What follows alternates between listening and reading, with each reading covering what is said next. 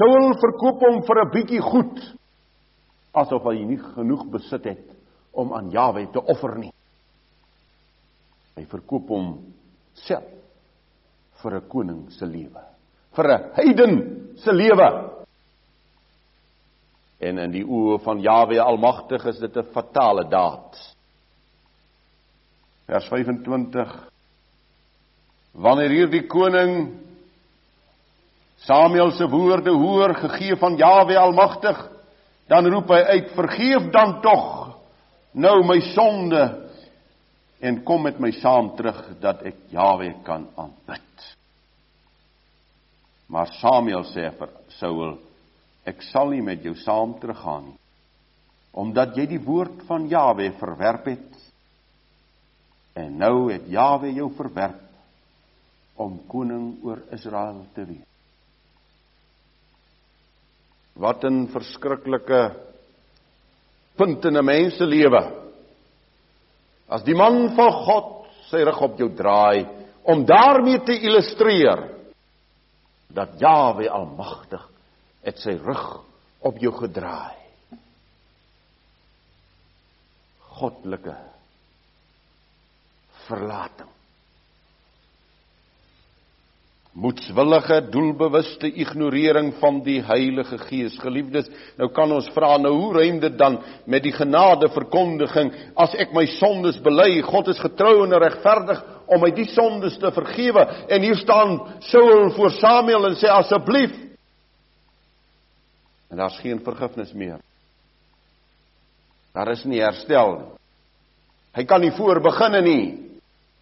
God het sy rug op hom gedraai moedwillige doelbewuste ignorering van die Heilige Gees. Mense hou vir hulle besig met godsdiens. En hulle ignoreer die waarheid van die goddelike woord. Judas kom tot bitter berou. Hy gaan gooi die 30 silwerstukke terug in die tempel. En Samuel sê van die dag af tot sy dood het hy getreur oor Saul. Het hy nooit weer sy aangesig gesien nie. En Jawe het berou gehad, nou iemand die woord berou tog reg verstaan.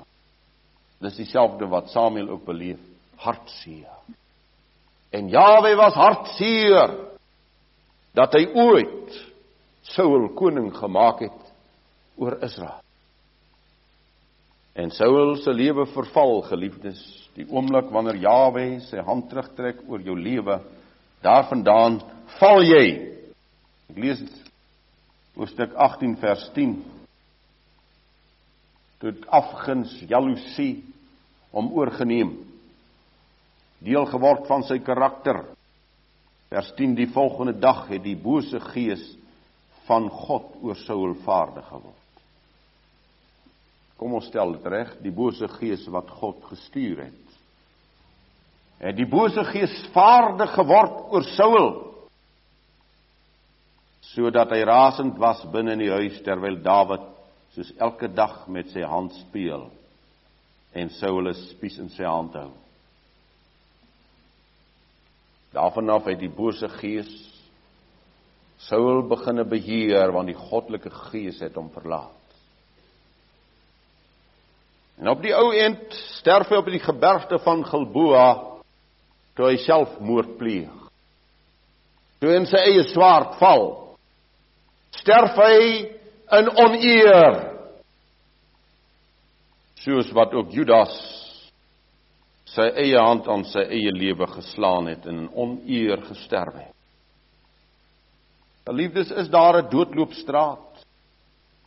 Ja, Ondanks goeie bedoelings van Saul, ondanks die voorgee van sy vroomheid in sy godsdiens en sy offerandes, sy koningskap, dat die Bybel sê Saul onder die profete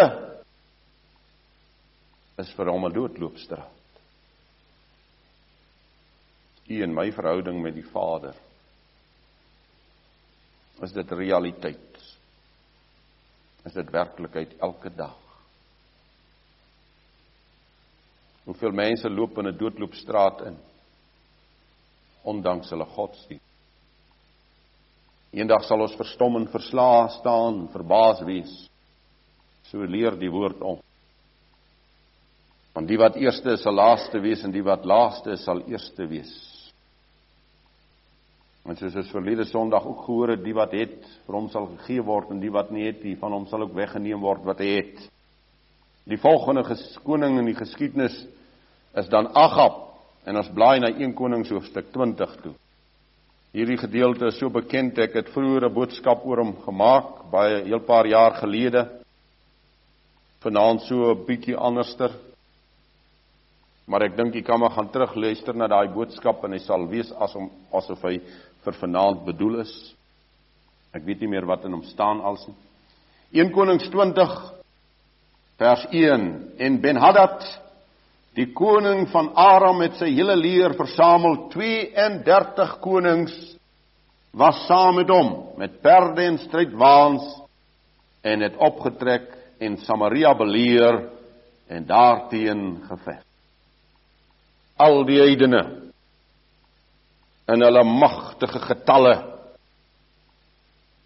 Stap hierdie koning met sy boodskappers na vore na koning Agab en hy stel die een eis na die ander eis aan hierdie Israelitiese koning.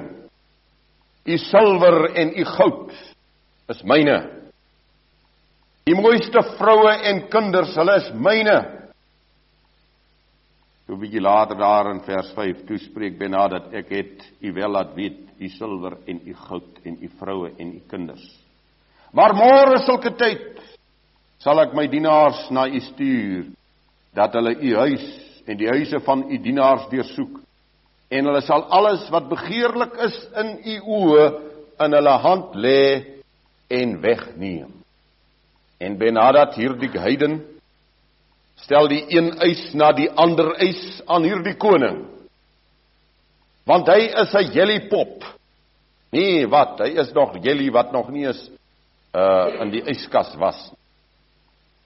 Jy kan hom in enige vorm bak gooi en hy sal die vorm aanneem. Want gewilliglik buig hy voor hierdie heiden. En watter motief ook al wat hy openbaar Vyand is hy en vyand sal hy bly.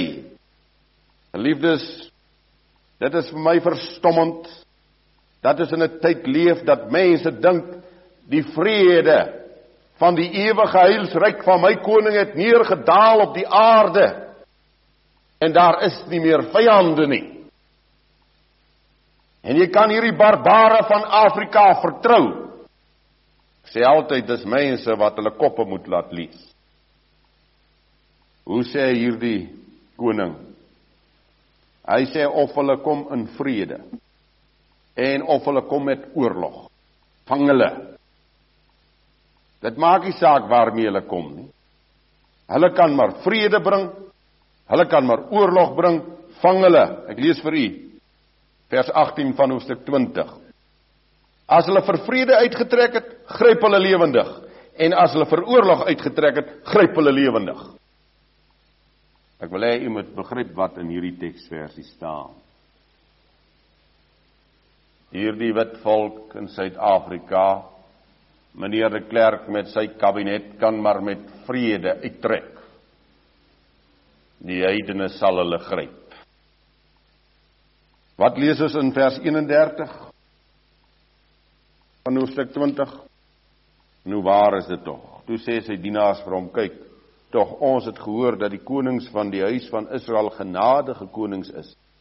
Laat ons tog rouklere om ons heupe bind en bande om ons hoofde en uitgaan na die koning van Israel, moontlik sal hy u in die lewe hou. Hulle is genadige koning. Hulle is nie wreedaards en barbare. So maak gebruik van hulle goedheid. Maak gebruik van hulle Christelikheid. Maak gebruik daarvan perfekte humanisme besit hulle. Moet ek dit vir u herhaal? My volk en my leiers het nie geregtigheid in hulle harte nie. Hulle het volkome humanisme en maak gebruik daarvan. Want sy Christelikheid is niks anders as humanisme nie, want die liefde van God het 'n lyn so skerp soos wat ons net nou gehoor het.